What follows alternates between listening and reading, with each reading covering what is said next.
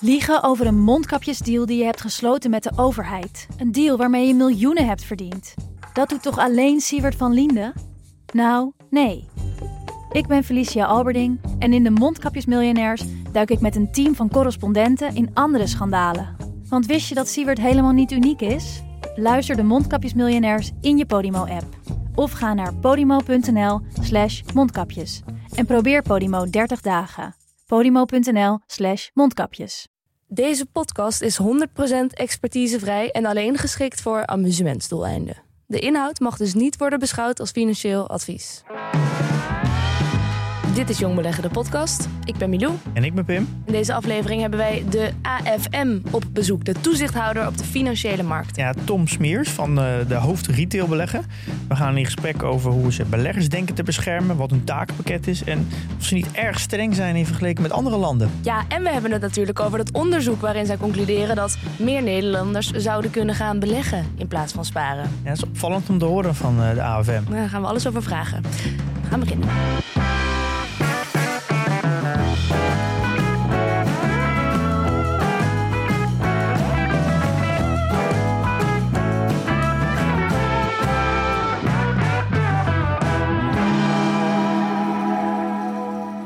Smeers, welkom. Dankjewel. Je bent manager retail beleggen bij de AFM, de Autoriteit Financiële Markten. Dat klopt. Dat is voor ons inmiddels zo'n bekende term, maar vergeet soms nog wel. Ik was er twee weken even tussenuit en ik hoorde wel natuurlijk de aflevering die Pim vorige week heeft opgenomen. En toen hoorde ik hem zeggen, de AFM. Toen dacht ik, heel veel mensen die ik vertel over de AFM, die zeggen, wat is dat? Zo bekend zijn jullie eigenlijk helemaal niet. Ik denk dat we bij een eh, specifieke groep heel bekend zijn. Ja. Eh, op feestjes merk ik ook dat ik vaak eh, ook even moet uitleggen eh, ja, wat, waar de afkorting voor staat. Ja. En wat we, precies, wat we precies doen. Dus hebben ze eerst geen idee en dan beseffen ze opeens dat jullie ontzettend belangrijk zijn. Dat we eigenlijk heel belangrijk zijn. Ja, in ieder geval voor beleggers, denk ik. Eh, en het heeft even geduurd voordat jullie hier waren. Pim heeft er aan moeten trekken, toch Pim? Anderhalf jaar? Anderhalf jaar ongeveer. Wat trok eh, je nu toch uiteindelijk dan over de streep? Nou, misschien moeten we de band dan even terugspoelen. Eh, we hebben inderdaad eerder contact gehad. Eh, volgens mij inderdaad meer dan een jaar geleden. Eh, en toen kwam een onderzoek naar, naar, naar finfluencers op ons pad. Eh, we zijn een verkenning gestart naar, naar, naar finfluencers. Misschien komen we daar nog later wat, wat over te spreken. En toen hebben we besloten om de bijdrage aan deze podcast wat uit te stellen. Totdat, eh, totdat die verkenning zou zijn afgerond. Nou, dat is gebeurd. Onlangs hebben we, zijn we daarmee naar buiten gegaan. Hebben we ook een, een webinar gehouden om eh finfluencers ook op de hoogte te brengen van wat we, nou, wat we hebben gezien. Wat we daarvan vinden. En dus is het nu een mooi moment om hier, eh, hierbij aan te sluiten. Misschien goed om eerst even dan helder te stellen... wat is de taak die eh, de AFM heeft opgevat? Eh, in brede zin bedoel In je? brede zin, ja. Ja, de AFM is een, is een, is een gedragstoezichthouder. Eh, de financiële markt, daar wordt toezicht op gehouden. Ehm, en wij zijn de toezichthouder die kijken naar het gedrag van financiële ondernemingen.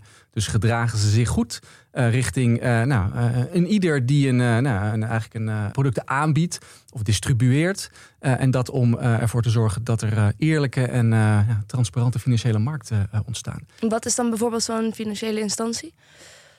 De, Eh, Giro? nou, een- eh, dat kan een bank zijn, dat kan een verzekeraar zijn, dat kan een pensioenfonds zijn. Dus Ja. We kijken echt van, van accountantkantoor tot kapitaalmarkten, van sparen eh, tot lenen, verzekeren, beleggen, hypotheken, eh, noem maar op. Dus wij bekijken de, we houden toezicht op de, op de gehele eh, financiële markt. Maar toezicht, dat betekent eigenlijk dat je dus wel instantie een, een soort van wet moet hebben, denk ik. Want anders, anders, ja, daar hou je dan toezicht op. En die worden dan gemaakt door de minister van Financiën? De, eh, wij maken de wetten niet. Eh, dat is eh, inderdaad soms ook een misverstand. Wij houden inderdaad toezicht op de wetten die worden uitgevaardigd. En als we het, we hebben het hier over beleggen, eh, die komen eh, uit Europa. Eh MIFID 2, eh, misschien alweer weer wat technisch. Daar zijn de regels in, in gevat die gaan over eh, beleggersbescherming. Ja. Daar moeten partijen die beleggingsdiensten aanbieden. Ja, die term is wel eens gevallen. Ja, ja. Is dat dat van de ESMA? Ja, ESMA eh, is dan weer de, de, de overkoepelende toezichthouderscollectief. Eh, je hebt verschillende toezichthouders. Wij zitten in Nederland, maar er zit ook een toezichthouder in België en in Frankrijk en, en noem maar op. Eh, en ESMA is eigenlijk het overkoepelende toezichtsorgaan in, eh, in, in Europa. Maar dus eigenlijk, het, het komt er dus eigenlijk op neer dat de, er worden wetten gemaakt. Al dan niet vanuit Brussel, maar ook denk ik een vertaling naar, naar de Nederlandse wet. Eh, en daar eh, moeten jullie dan op toezien. Eh, Ja. ja dus, maar dat is denk ik wel een 1-2'tje. Dus als jullie zien dat er bepaalde dingen niet helemaal goed zijn... of daar jullie geen goed toezicht op kunnen houden... dat jullie dan naar de politiek gaan om te zeggen... misschien moet je deze wet eens eh, toevoegen of uitbreiden. Zeg ik dat goed? Ja, je noemde 1 tweetje. Ik denk dat dat uh, iets te makkelijk uh, geformuleerd is. Maar wij spelen zeker een rol. We zitten zo dicht op die financiële markt. Dus als wij denken of, of zaken zien waarvan we denken dat moet anders, of daar zitten risico's, of dat zijn ontwikkelingen die nieuw zijn, dan, dan spreken we zeker met de, de, de, de regelmakers. Heb je een voorbeeld? Nou, als je kijkt wat er nu een ontwikkeling is. Wat we zien is, zijn er, er komen steeds meer beleggers bij. Uh, ik neem even een aanloopje om je vraag te, te, te beantwoorden. Uh, circa 1,9 miljoen huishoudens zijn op dit moment aan het beleggen. En we zien een, uh, een best wel een behoorlijke, behoorlijke stijging de afgelopen, afgelopen jaren. Als je dat vergelijkt bijvoorbeeld met de jaren 90, was er ook zo'n enorme stijging. Sommige van jullie volgers of luisteraars zullen dat zich misschien wel herinneren. Dat is de zogenaamde campinghouse. mobiele telefoon was geïntroduceerd was 97 en de AX steeg met, met dubbele cijfers. Mensen in de zomer zaten op de camping met hun mobiele telefoon, met een telefoontje inderdaad eh, te, ja, te beleggen, te handelen. Uh, dat is een behoorlijke stijging. Ik denk dat de huidige tijd daar best wel overeenkomsten mee heeft. Nou, die mobiele telefoon, nou, die is nu een smartphone. Het is één vingerbeweging. Uh, is het niet, niet de internethype vanuit de, uit de jaren negentig... dan is het nu wel de economische voorspoed die nou, enorm is. Want even in die campinghuis zat men dan te bellen? Ja, zat met te bellen. Ja. Zat men op de camping en zat men uh, nou, eigenlijk massaal te beleggen. Ja. economische voorspoed gaf ik aan, maar ook de lage rente. Dat zijn, zijn eigenlijk de, de, nou, de, de verschillen, maar ook de, dus de overeenkomsten. Kijk je naar 2013, hè, leven we, zitten we twee crisis later er was nog maar één op de drie uh, beleggers over. Dus, dus heel veel mensen hadden daar um, eigenlijk beleggen de, de rug gekeerd. Als je kijkt naar de rol van de AFM, is het eigenlijk om ervoor te zorgen dat dat vertrouwen in stand blijft. En niet zozeer om mensen te behoeden voor het feit dat, dat koersen naar beneden gaan, want dat hoort bij beleggen. maar er wel voor te zorgen, of voor te zorgen om bij te dragen aan nou, het vertrouwen in, in die markt. Hè, om ervoor te zorgen dat die misstanden nou, tot, tot, tot een minimum beperkt blijven. En we hebben nu een bull market. Dus het is eigenlijk heel makkelijk om een goede belegger te zijn. maar als het tij keert en het app wordt, ja. dan zie je wie er eigenlijk zonder zwembroek zendt. Ja, ja. Maar je legt nu een beetje de vergelijking met de 97. Ja. Insinueer je daar een beetje mee dat je nu verwacht dat er dus weer uh, twee derde gaat uitstappen? Uh, ik verwacht helemaal niks. Ik heb geen glazen bol. Ik uh, voorspel niets, helemaal niet. maar beleggen gaat, gaat, gaat omhoog en beleggen gaat ook weer ja. naar omlaag. Dat is wat, wat, wat, de, wat het verleden ook gewoon laat zien. En, en, en zo is beleggen, zit het in elkaar. Een ander verschil, en nu komen we op het antwoord op je vraag over, over regels, is dat beleggen is niet saai. als je kijkt naar hoeveel uh, reclames er zijn, hoeveel nieuwe producten er op de markt komen, nieuwe aanbieders, noem maar op. Finfluencers die, nou ja, je, je kan ze niet missen met tips en tricks, et cetera. Dus het is best wel ingewikkeld om saai te beleggen. Als we een, mantra zouden moeten, nou, een mantra moeten, moeten uitvaardigen van de AFM, dan is het, is het wel beleg vooral saai.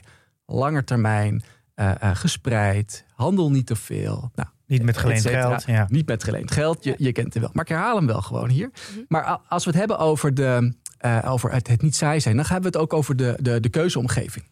Waar worden mensen nou door beïnvloed? Uh, mensen zijn geen homo economicus, dus die, we hebben ook niet de illusie dat iedereen alles leest. maar, maar worden gestuurd door hun omgeving. En die omgeving, nogmaals, die is best wel in, in beweging.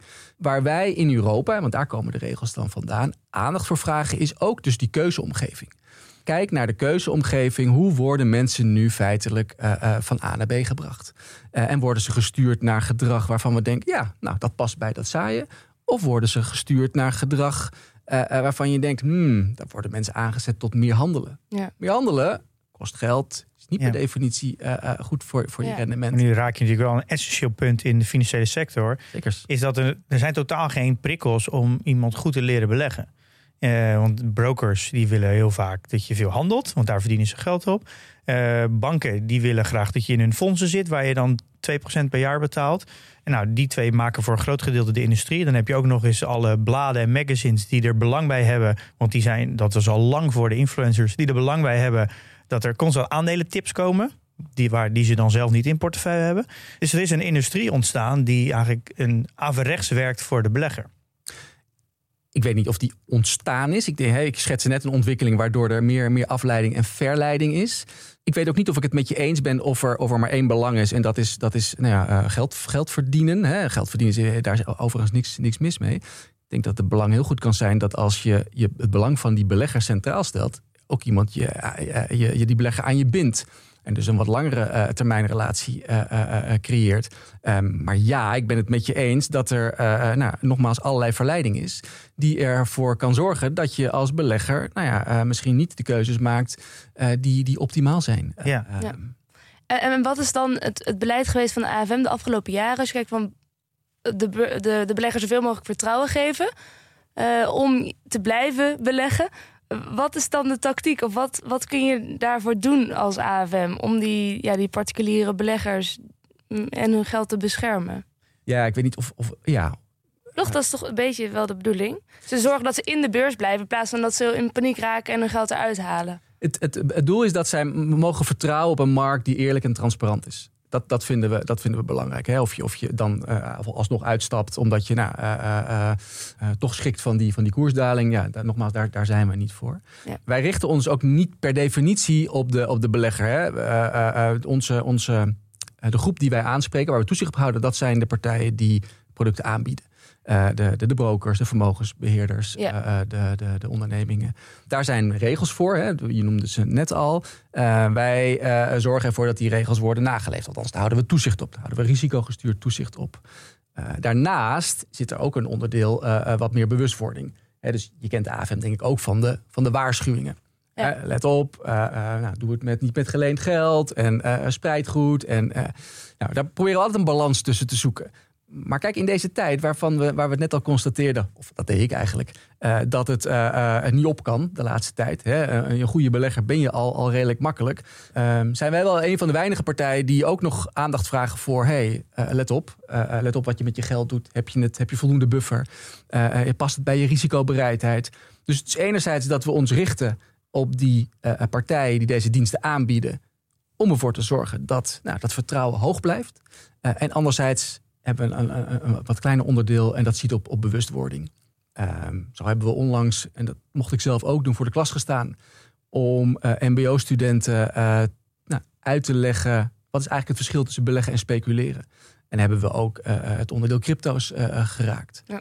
Nou, we proberen wat mee te geven in, in, educatie. We proberen um, vooral, of nou, dat proberen we, daar zijn we dag en nacht mee bezig, om ervoor te zorgen dat de partijen die deze diensten aanbieden, beleggingsdiensten aanbieden, zich uh, goed gedragen. mijn ervaring is wel heel anders dan die jij eigenlijk omschrijft. Jij zegt dat je, hier een van de weinigen zijn die, die stimuleren om goed te beleggen met een buffer en uh, mm. niet geleend geld. Mijn ervaring is dat heel veel andere partijen dat ook heel goed doen. Eh, dat je op heel veel plekken tegenwoordig, in boeken, in podcasts, in blogs, overal in de wereld, vooral ook, ook Amerikaanse, Engelse content, dat je dat prima kan leren. En ik ben er echt totaal niet mee eens dat jullie de enige zijn dat dat jullie dat goed doen. Dat is een beetje wel van uh, borstklopperij, toch? Dat je jezelf heel goed vindt. Ja. Nou, ik, ik weet niet of het, of het uh, uh, gaat om of, ik, of, of, wij onszelf heel goed vinden. Ik ben heel blij om te horen dat je aangeeft, hey, dit, dit geluid, wat, wat, nou, wat ik net gaf, dat wordt ehm, niet alleen maar door de AFM ehm, de wereld ingeslingerd, maar ook door vele anderen. Ik denk dat dat een hele, een hele goede ontwikkeling is. En, en, en die juich ik alleen maar toe. Nee hoor, ik wil zeker niet het. Ehm, het alleenrecht hebben, of als, als AFM het alleenrecht hebben op dit waarschuwen of uh, nou, het aanmoedigen om um, ja, goed te kijken wat je met je, met je geld doet. Um, zeker niet, zeker niet. Als ik, als ik even terug ga naar het moment dat ik ben gaan leren beleggen, ik ben eigenlijk echt geschrokken hoe weinig educatie er is vanuit de, beetje de instanties echt, echt, echt heel erg laag. De, dan brokers, de banken. Eh, eigenlijk ook vanuit, vanuit jullie gezien en ook de VEP en zo. Er is de manier van hoe content verspreid wordt en hoe dat gebracht wordt naar. Uh, naar eigenlijk een, iemand die nog niet belegt, is, is niet van het niveau waar de generatie nu graag content consumeert. En dat is denk ik ook de reden waarom er zoveel uh, content is ontstaan door de nieuwe generatie. Omdat daar gewoon een extreme behoefte aan is aan goede content dat onafhankelijk is. En dat ook nog eens gebracht is op een manier dat fijn is te consumeren. En het is natuurlijk eigenlijk, alle content die nu ontstaan is, en jij noemde dat dan influencers, uh, is vooral natuurlijk ontstaan doordat die generatie zelf uh, problemen had om het goed te leren. En het niet terecht kon bij banken, bij brokers, bij de VEP, bij de AFM. Dat dat eigenlijk is ontstaan vanuit een behoefte. En dat is natuurlijk een beetje hoe het internet werkt.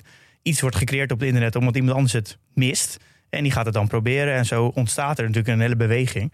En ik, door, juist doordat er eh, zulke soort mensen er zijn, en niet alleen in Nederland, maar over de hele wereld, ben ik juist heel goed gaan leren beleggen. Sterker nog, ik denk dat juist als dat er niet was, dat ik misschien niet eens zo goed had leren beleggen. Dus mijn, mijn perspectief is compleet de andere kant. Ik denk juist dat er nu een hele grote generatie juist goed leert beleggen, omdat dat er is.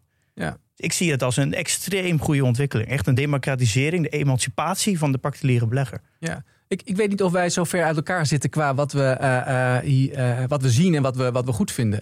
Eh, dat die behoefte er is, hè, dat, dat wijst wel uit. Hè, of dat wijst het, aan, het aanbod van eh, nou, influencers, podcast, cursussen, et cetera, wel uit. Hè. Dat, dat, die- dat die behoefte er is, dat is, dat is, dat is, dat is helder. Op het moment dat je daar inderdaad iets tegenover zet om aan die behoefte tegemoet te komen, zoals een, een podcast, et cetera. en je biedt laagdrempelige informatie aan over beleggen, zonder dat je daar allerlei belangen zelf bij hebt. Eh, hè, die vaak ten koste gaan ook van de, of misschien wel ten koste kunnen gaan van de, van de, eh, van, van de volger. Ja, dan, dan, eh, dan, dan juichen we dat toe. Eh, want, want, want wij, hebben hem, we zitten, wij zijn, zitten zeker niet te wachten op dat wij als AFM degene zouden moeten zijn die vertellen nou ja, hoe je zou moeten beleggen. Sterker nog, daar willen we van, van, van wegblijven. Ehm, dus ik weet niet hoe, of wij heel ver uit elkaar zitten qua. Oké. In die zin was wel het artikel ehm, over het onderzoek wat in de afgelopen maanden is uitgevoerd. Mhm. eh, door de AFM ook, hè? Ja. Ehm, met als kop, meer mensen zouden kunnen gaan beleggen in plaats van sparen. Dus zeggen jullie heel duidelijk, oké, niet een advies van ga nu allemaal beleggen. Maar zouden kunnen gaan beleggen. Mhm. Dat is natuurlijk niks nieuws voor ons. Maar wel was dat nieuw voor ons om dat van de AFM te horen. Want ja, wij kennen de AFM inderdaad dus wel vooral van de waarschuwingen. Van let op, kijk uit. Eh, en dat misschien heel veel mensen die zouden kunnen gaan beleggen... maar in plaats daarvan sparen, nog niet zijn begonnen... is misschien ook wel omdat ze denken van ja, we vinden het eigenlijk een beetje eng. We krijgen alleen maar waarschuwingen naar ons hoofd. We durven helemaal niet.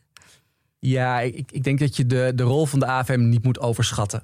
Eh, als, als, je- als je daarop doelt, hè, dat als, als wij ehm, eh, zouden waarschuwen dat dan. Dit ging, in dit geval ging het over 3,1 miljoen huishoudens. eh, dan denken, dan moet ik het maar, maar niet doen. Maar ik kan me voorstellen dat je zegt: hey, dit, dit, dit artikel wat is verschenen, of dit onderzoek, nou, dat wijkt wat af van, van, van, van eerdere uitingen van, Ja. eh, van de AFM. Voor de goede orde, ehm, het onderzoek wat wij hebben gedaan, is daarmee niet een advies om te gaan beleggen. Het is om, het is om bloot te leggen wat is de potentie in, in deze markt. Nou, en, en, en eh, ik heb het eerder ook al aangegeven. Het is goed voor die groep die voldoende buffer heeft. eh, en inderdaad daarnaast geld over zou hebben om te beleggen. Om bij zichzelf te raden te gaan. Ja, eh, eh, eh, wat voor een vermogen zou ik in de toekomst willen hebben? Wat past daarbij? Ja. Past daar beleggen bij? Wat is mijn risicobereidheid? Waar zou ik dan in, in, in kunnen beleggen? Om dat gesprek is te voeren aan de, aan, aan de, aan, aan de eetkamertafel. Ja. Dus om de potentie van beleggen bloot te leggen. Want er is wel degelijk een, een betrouwbare potentie die beleggen kan hebben. Denkt ook nu de AFM. Ik bedoel, je, je kan ook zeggen van meer mensen zouden naar het casino kunnen gaan in plaats van sparen.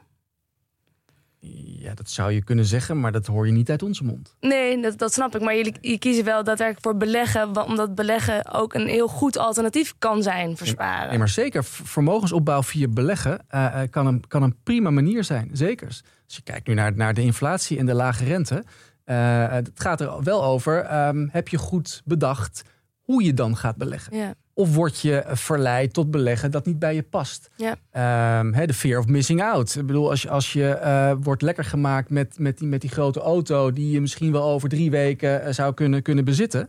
eh, en je dat zou kunnen realiseren met, met beleggen... Ja, dat is een vorm van beleggen waarvan we denken... nou, eh, eh, denk daar maar eens even vijf keer over na of, of je daarin stapt. Dus het gaat over de manier waarop. maar eh, eh, het feit dat, dat is wat je zegt... dat beleggen een goede manier kan zijn om vermogen op te bouwen... Eh, helemaal Ja. mee eens. Het is misschien op dit moment zelfs nog wel de enige manier om je, eh, je koopkracht te behouden. Zeker met die inflatie. Dat is eigenlijk zou ik misschien wel veel liever gewoon rente ook op de bank krijgen. Dat ik me ook niet druk hoef te maken over of er rendement is dit jaar of niet. Mhm. Maar er is bijna geen alternatief voor mijn gevoel. Nee, de rente staat, eh, staat enorm laag. Er is inflatie. Dat is ook precies wat we zien in, als we onderzoeken doen naar, naar ehm, eh, de motivatie om te gaan beleggen. Dan is dat het- vaak de, de lage rente die wordt aangedragen van hè, de search for yield. eh, eh, om, om, te, om te starten beleggen. Ja, dat is, dat is een, eh, denk ik een hele, een hele logische.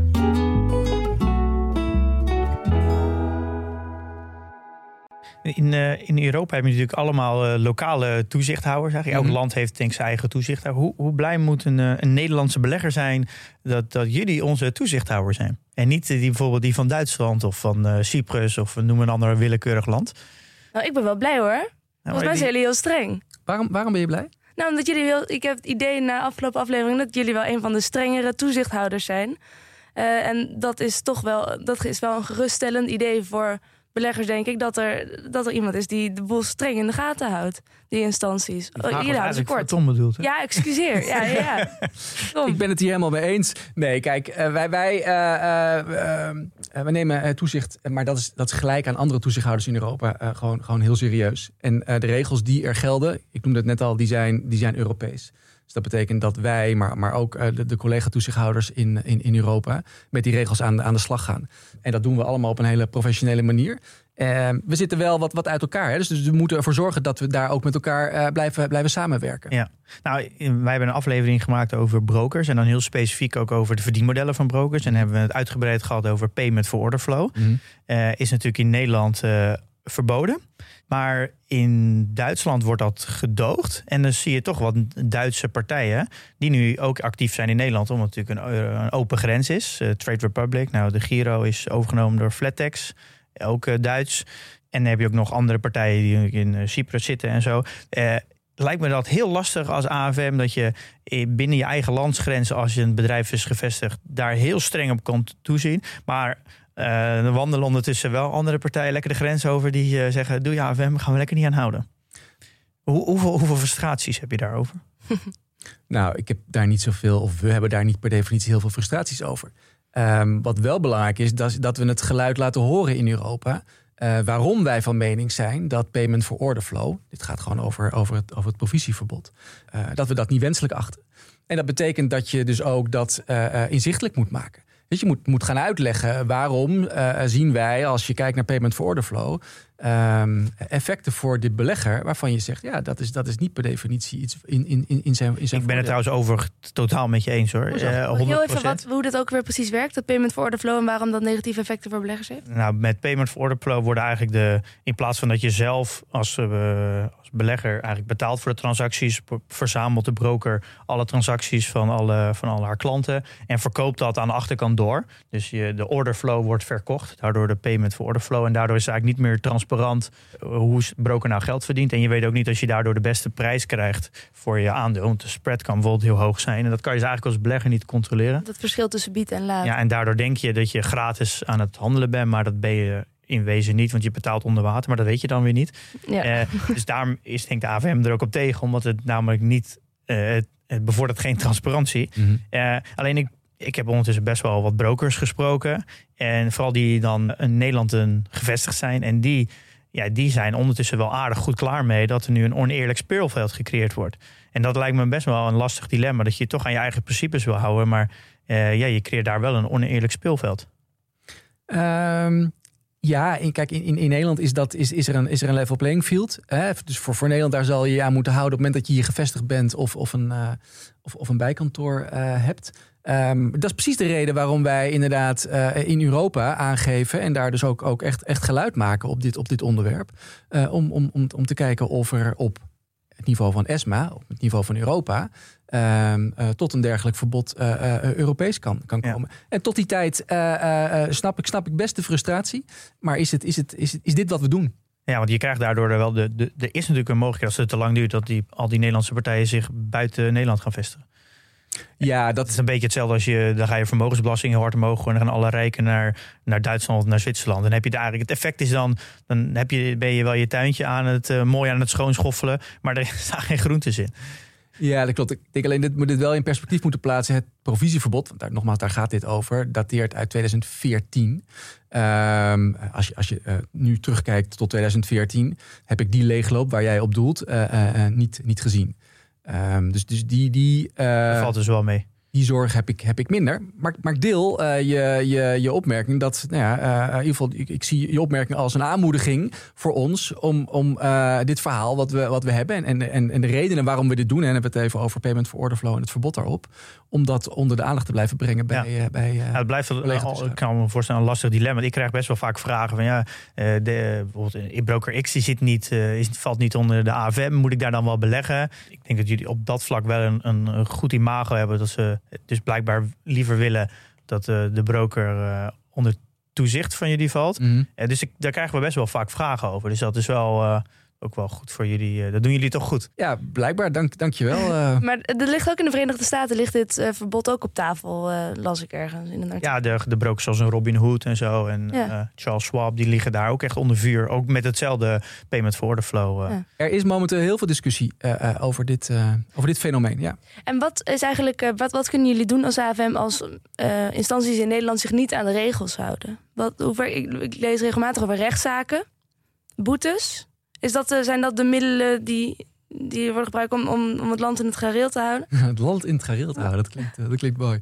Ehm, is, is misschien het meest aansprekend. En hetgeen ook wat je, eh, eh, ehm, als we een boete opleggen, ook een van de weinige maatregelen die ook daadwerkelijk, waar je kennis van kan nemen.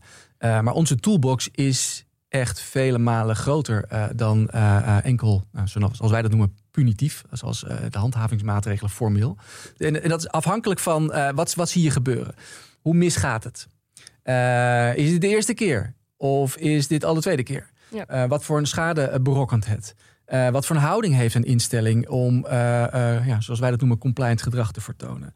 Deze mix aan criteria of aspecten of, of hè, eh, eh, wegen wij nadrukkelijk. En het kan zijn dat we, dat we eh, starten met een gesprek. Hè, dat je zegt, nou kom eens, kom eens naar de Vijzelgracht.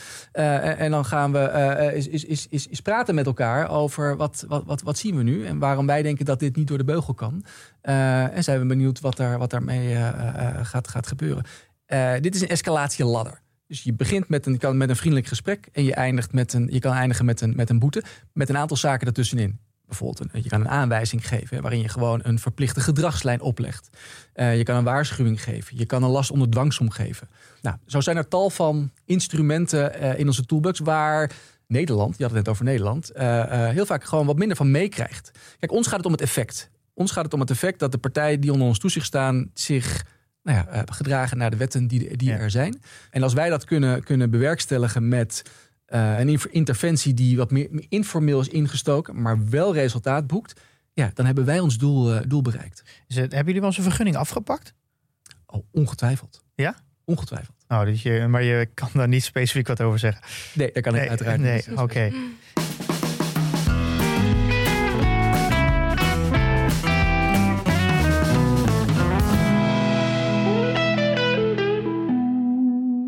weet van Pim ook dat hij bij, die, eh, bij zo'n vriendelijk gesprek misschien is. Dat, was het een vriendelijk gesprek? Want jij was bij zo'n influencer meeting. Is dat zo'n eerste verkenning van... Ja, het is, een goed, het is een- het is een goed voorbeeld van wat er in de, in de toolbox zit. eh, eh, om inderdaad, dit was, een, dit was een webinar. We hadden het graag live gedaan, maar dat kon in verband met corona niet. Je doelt op, eh, de, de Finfluencers hebben, hebben uitgenodigd om nou, te spreken over onze verkenning. en een aantal, aantal aandachtspunten mee te geven. Eh, maar het is een goede vraag aan, aan Pim, want Pim was daar inderdaad bij. Was, Ja. dat, was, dat een, eh, was dat een vriendelijk gesprek? Of was dat... eh, Eh, ja, het was natuurlijk heel jammer dat het digitaal was. want Het, het, was, het, het was natuurlijk een lange presentatie. Eh, ik had het liefst wat concreet, meer concretere voorbeelden gewild. Ik denk dat dat beter had gekund. Ook, ook de interactie vooral. Want ik denk Mhm. dat, ook met de mensen die ik daarna heb gesproken... dat heel veel mensen met heel veel vragen zaten. Maar ik denk dat het een goede, goede opstap is. Ik, en jullie ge- gaven ook op het, op het allerlaatste aan... dit is een aanzet tot een gesprek. Eh, want ik heb hem nog even teruggekeken. En eh, ik ben ook heel benieuwd wat jullie vervolgstappen zijn in dat gesprek dan. Eh, dat hebben jullie heel nadrukkelijk eh, verteld. Dus ik ben heel benieuwd eh, ook of daar nog een vervolg op gaat komen. En op welke vorm dan dat gesprek gaat doen. Want het was nu geen gesprek. Het was nu meer een mededeling. Dus ik ben heel benieuwd waar dan dat gesprek gaat plaatsvinden. Ik ben daar sta heel erg open voor. ja. Ja, want influencers zijn natuurlijk wel een nieuwe ontwikkeling. Eh, waar jullie nu een soort van ja, beleid op aan het, moet ik het zo zien? Zijn er mensen aan het schrijven van hoe gaan we nou met deze eh, ja, jongelingen om? Nee, we zijn niet per definitie beleid aan het schrijven. Ehm, wat we daar hebben eh, blootgelegd zijn een aantal aandachtspunten. Hè. We hadden het er net al even over dat het goed is dat er laagdrempelige informatie is. Hè, omdat er een behoefte is bij een hele grote groep. eh, eh, behoefte naar informatie over, over beleggen. Ehm, wat wij bloot hebben gelegd is dat, niet, dat dat niet per definitie altijd hele neutrale informatie is. Hè. De, neutrale finfluencer, ehm, nou, die, die, die, die vonden wij moeilijk, eh, moeilijk te vinden. Eh finfluencers met, met, met sterke eigen belangen kunnen ervoor zorgen dat het, dat het belang van de volger niet per definitie centraal staat. Ja. Dus, dus als het gaat over informatie eh, afgeven aan die groep die daar behoefte aan heeft, ja, dan ligt daar wel een, grote eigen verantwoordelijkheid. Of eigen, daar ligt daar een grote verantwoordelijkheid voor de maker van een podcast of een cursus. Of uh, noem maar op. Hè. Dus een grote verantwoordelijkheid voor de, voor de finfluencer. Dat je uh, uh, je verplaatst in de volgers die je, die je hebt. en dat gaat over: ben ik geen beleggingsadvies aan het geven? ben ik mensen niet aan het sturen naar producten waarvan ik eigenlijk niet zo goed kan inschatten of het wel past bij hun risico? Mm. Hè, dat te, te risicovolle producten noemde het net al eventjes, hè, die, die, die, die grote Maserati die voor de deur staat. Uh, uh, waarin mee gezegd wordt, hè, die kan je over drie weken ook hebben als je in, in crypto's, et cetera, gaat beleggen. Ja. Dus, dus dat is iets waar we, waar we dat hebben we gedeeld. Hè, dat hebben we gezegd van ga, ga, daar, ga daarop letten. Omdat, nogmaals, het is inderdaad een, nieuw, een nieuwe ontwikkeling. dus we vinden het belangrijk om die informatie ook mee te geven. Zodat nou, mensen die het goede voor hebben met de volgers, kunnen denken: oké, hey, dan moet ik hier misschien uh, ook uh, uh, rekening mee gaan houden. En hetzelfde geldt, hè, we hadden het net over die belangen, is, is over het word je betaald. Hè, dus word je betaald voor het aanbrengen van, van nieuwe klanten bij een, bij, een, bij een broker. Dat is een, een overtreding van het provisieverbod. Ja. Zei je dat we ons dan richten op de broker. Hè? Want de broker mag geen betalingen verrichten voor het, voor het aanbrengen van klanten. Nou, dat zijn een aantal zaken die we nu hebben meegegeven. dus nee, we zijn geen beleid aan het maken. Um, maar we zijn wel benieuwd uh, wat voor effect dit gaat hebben. Ja. Dat vriendelijke gesprek tijdens het webinar. Ik denk dat het, de beurzen zijn natuurlijk alweer flink naar beneden gekomen. Uh, ze zijn zelfs volgens mij officieel in een uh, bear market beland, in ieder geval de, de Nasdaq. En dat heeft er ook wel voor gezorgd dat uh, heel veel influencers die misschien niet zo netjes doen, ook gelijk zijn verdwenen. En want ik, dat merkte ik ook aan de, de bijeenkomst. Mm. Dat vooral de mensen die het wel heel netjes doen, die waren aanwezig. En vooral de mensen die er een beetje ja, misschien een beetje de misbruik van maken, die waren er niet. Uh, dus dat, dat effect krijg je natuurlijk ook. Maar dat, dat corrigeert zichzelf eigenlijk weer. Dat vind ik ook wel weer het mooie aan het internet. Dat mensen ja, ook, het corrigeert uiteindelijk wel. Want het is allemaal open. Iedereen kan alles delen en je kan comments geven. Je merkt nu al dat, dat alle mensen die niet zo helemaal juist zijn, dat die er gewoon uitgefilterd worden door het publiek. Dus het, is ook een beetje, het internet is ook zelfreinigend op dat vlak. Ja, ik, ik zou misschien ben ik allemaal veel te optimistisch, maar en misschien jullie te pessimistisch, maar het zal waarheid zo in het midden liggen. Nou ja, het, het zelfreinigend. Uh, het zou heel mooi zijn als dat, als dat volledig zou zo werken. Maar, maar ik denk juist wat wij ook hebben gezien, is dat het juist heel, vaak heel intransparant is. Uh, wie je dan voor je hebt, wat zijn belangen zijn, uh, waarom je de dingen vertelt die die vertelt.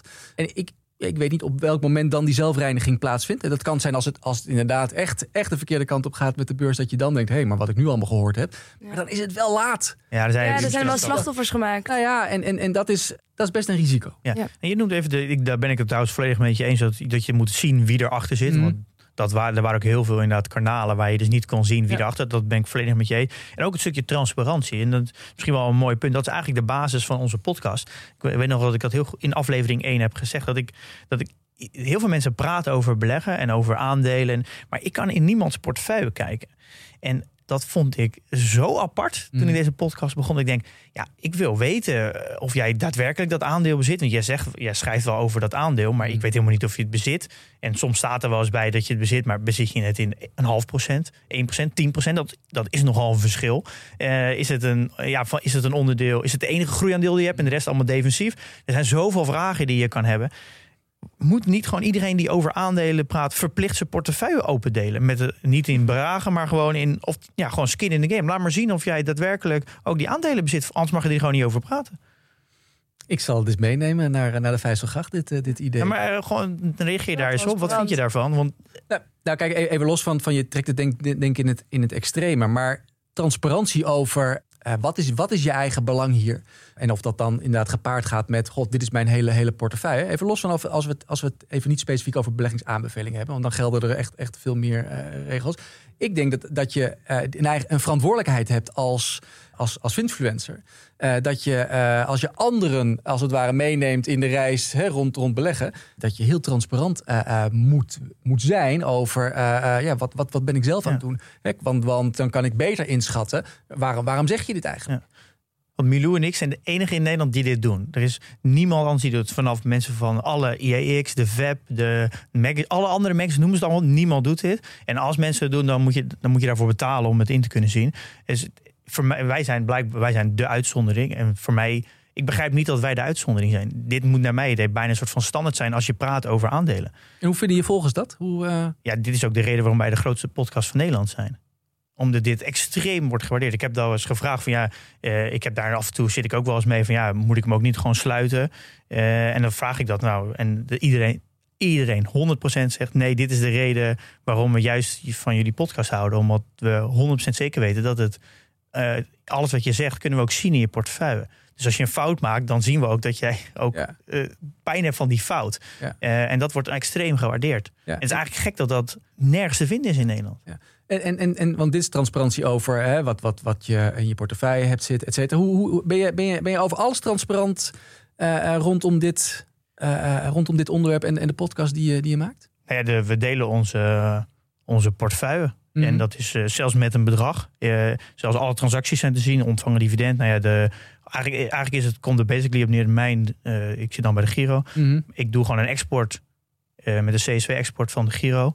En dat word ik, eh, upload ik eh, in een sheet. En dat kan je gewoon volledig inzien. Dus als ik een aandeel koop, dan is dat ook te zien in. eh, en zelfs met rendementen. Per jaar kan je dat gewoon inzien met eh, officieel gewogen rendementen. Met de money weighted rate of return. Dus ook Ja. nog officieel erkend eh, rendementsberekening. Dus niet een eh, selectieve. Eh, dat is volledig transparant. Ja. En, de, en de samenwerking met, de- met de broker die je net, net noemde, hoe, hoe, hoe ben je daar eh, eh, eh, transparant over? Of is er geen samenwerking? Of is er. Eh, nee, er is geen, er is geen samenwerking. Nee. nee.